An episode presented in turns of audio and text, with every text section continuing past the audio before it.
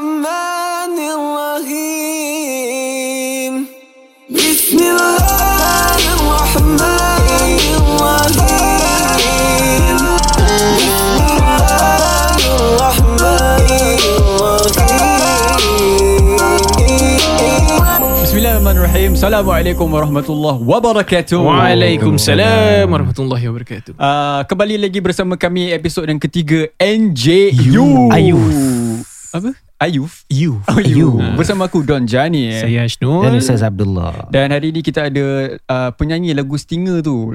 Ah. Zikri. Nah, Zikri nak, Bagus nak, lah. nak nyanyi ke Zikri? bagi sikit lah, bagi sikit.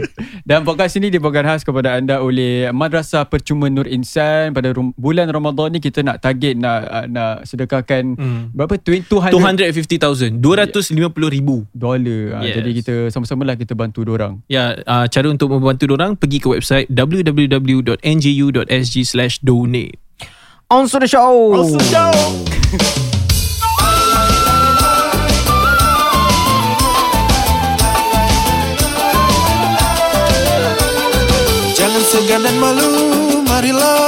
Marilah mendengar NGU Ajak kawan-kawanmu Menjadi pendengar berilmu. Jangan segan dan malu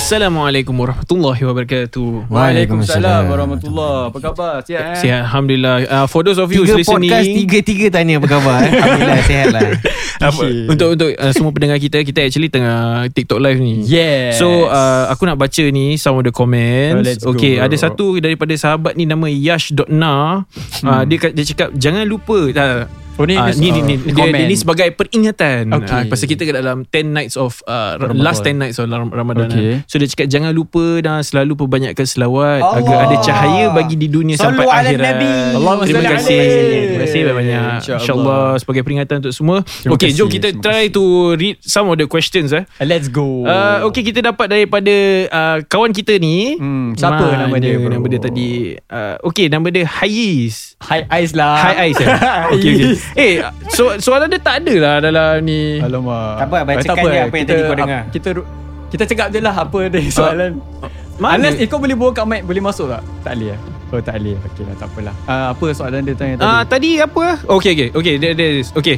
Uh, is syurga a one size fits all place? Hmm. What if syurga is putih but aku suka hitam? Ah.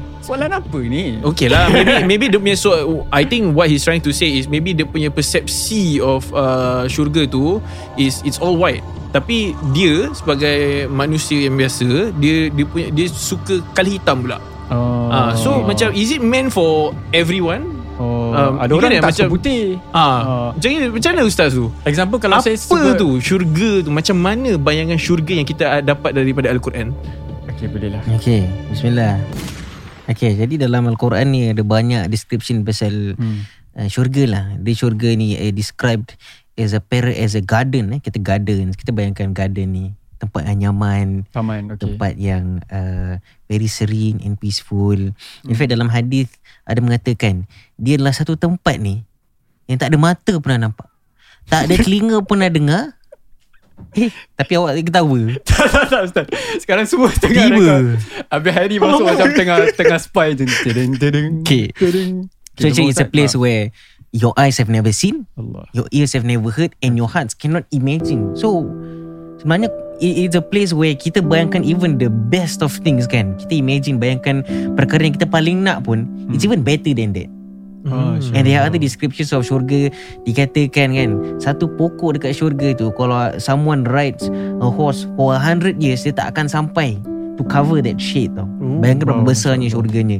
So it's it's a vast place. It's a peaceful place. Mhm. And tempat ni disediakan untuk orang-orang yang beriman Orang-orang yang dah bertungkus lumus lah eh untuk buat amal soleh eh untuk uh, keluarkan duit untuk nur insan selit eh ah dan dan dan sebagainya lah so actually In fact there's another hadith that says that Actually dalam syurga ni Okay. Ramai orang-orang All the common people Dia bukan Wow. orang yang macam uh, Yang kita bayangkan orang yang paling uh, Beramal soleh banyak It's actually normal people Wow. Layman people uh, So so To answer your question kan Hmm. I also don't know actually Syurga macam mana Saya rasa Tapi it's a, ah, it's a It's a It's a I bet it's a wonderful place Masya Allah. lah. Masya Dia ada Allah. satu ayat dalam Quran cakap pasal syurga ni uh, la yasma'u fiha laghiya. Maksudnya syurga is something yang kita tak pernah dengar syurga tu macam mana. Hmm. Syurga ni something yang kita tak pernah nampak.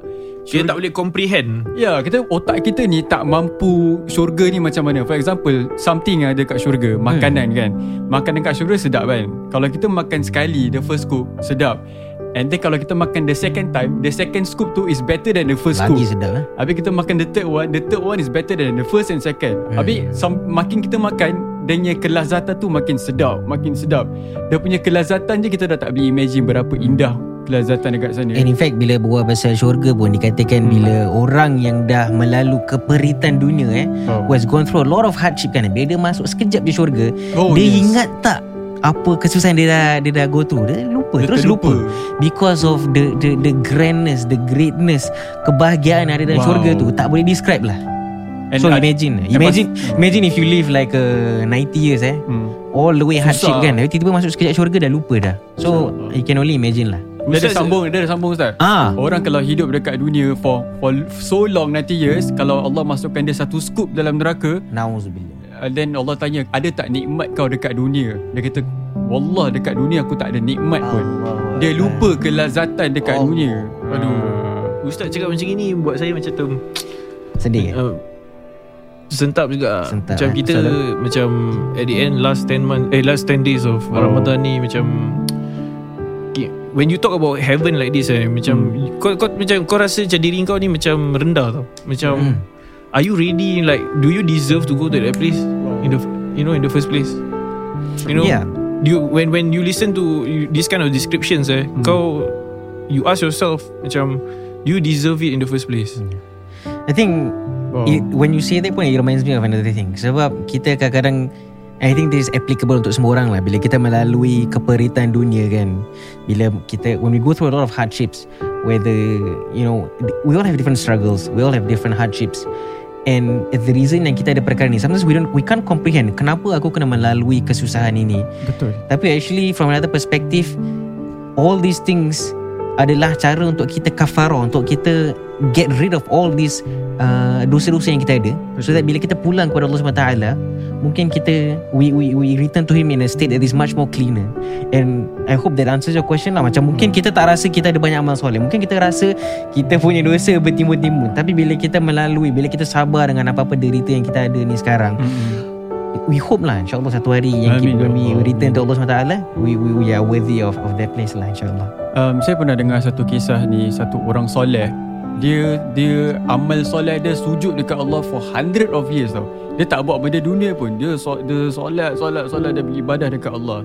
And then uh, Dia berdiri de- depan Allah. Dia tanya dia macam Apa ni uh, Allah cakap uh, dia, dia, dia request dekat Allah Ya Allah aku nak masuk dalam syurga Based on apa yang aku buat dekat dunia. Solat aku, kebaikan aku, amalan aku Aku nak masuk syurga sebab whatever that aku buat Habis Allah kata okey lah Then Allah timbangkan Allah Timbang bahasa English apa Ustaz? Way Allah weigh dia punya amalan dengan satu nikmat mata yang Allah bagi. And then bila Allah weigh nikmat mata tu lebih berat daripada amalan dia. And then Allah kata ah pergi masuk neraka.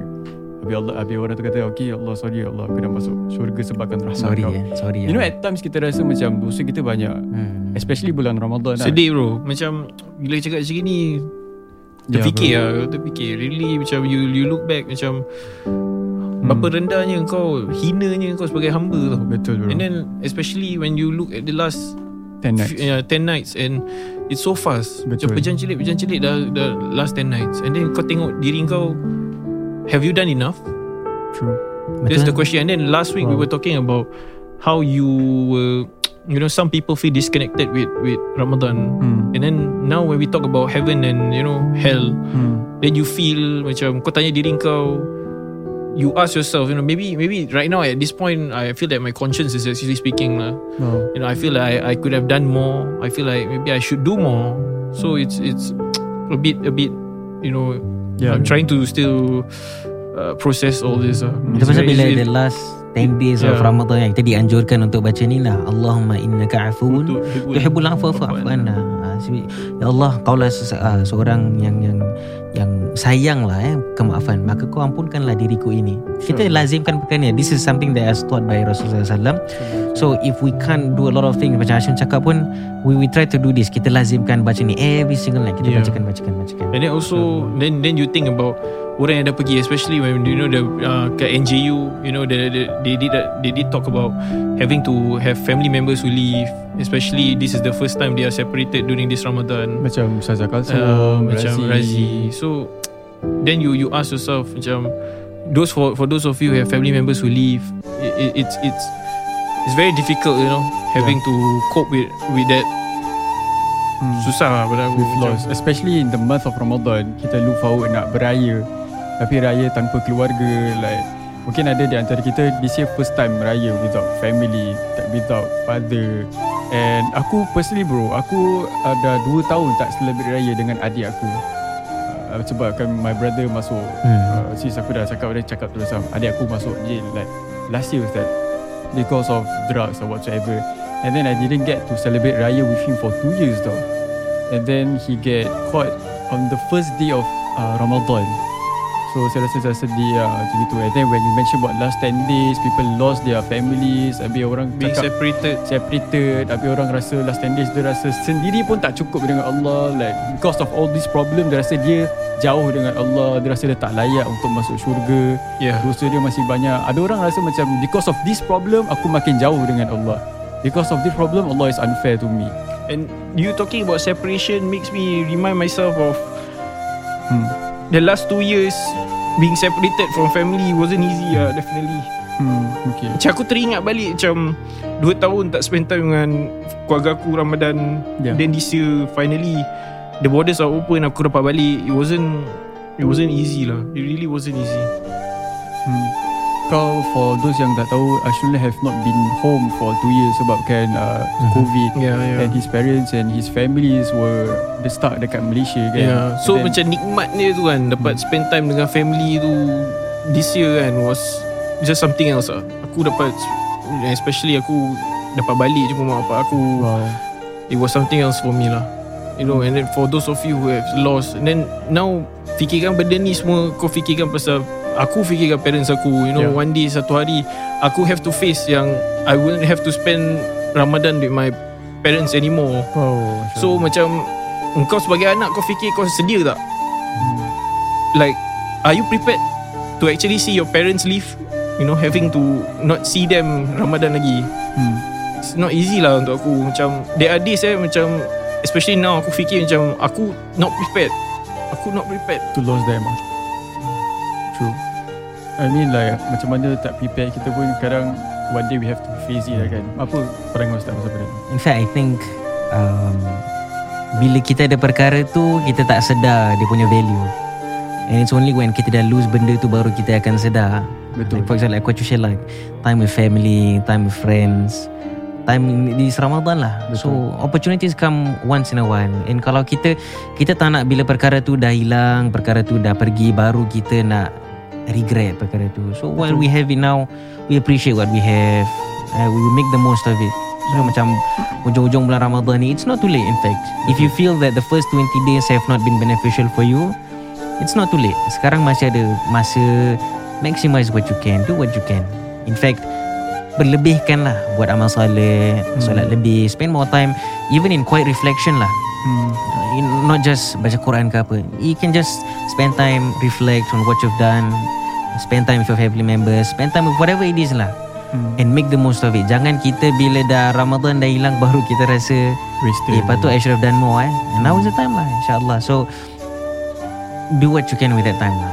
InsyaAllah Thank you Ashrul for the story. Kita For Menjiu Aku as kawan kau Aku sentiasa doakan kau. You know aku Saw your struggles And you know you, Kau pernah explain dengan aku Your struggles. Buka seorang-seorang bro. Aku tak imagine The struggles that you went through. Kita doakan Mudah-mudahan Ashrul kau kuat lah To go through all this. And dan podcast ni dibawakan khas kepada anda oleh Madrasah Nur Insan. You know, ada juga pelajar yang mungkin go through this, mungkin tak ada tak ada family support yang tapi nak belajar agama. Please lend them a support, keluarkan duit untuk bantu orang at our website bro. Uh, www.nju.sg slash donate. And for those of you out there I think after this podcast go hug and kiss your parents man. InsyaAllah. Your family members. Cium lah. Because you might never know. Dan sekelip mata dia might might not be around lah. Yeah, good it's things a reminder for all of you. good things don't last. So Yeah. treasure it while it lasts lah. whoever your loved ones is out there lah. InsyaAllah. Start dengan tutup. marilah kita akhiri dengan tasbih kafaran surah wal سبحانك اللهم وبحمدك أشهد أن لا إله إلا أنت أستغفرك وأتوب إليك. بسم الله الرحمن الرحيم والعصر. إن الإنسان لفي خسر إلا الذين آمنوا وعملوا الصالحات وتواصوا بالحق وتواصوا بالصبر والسلام عليكم ورحمة الله تعالى وبركاته.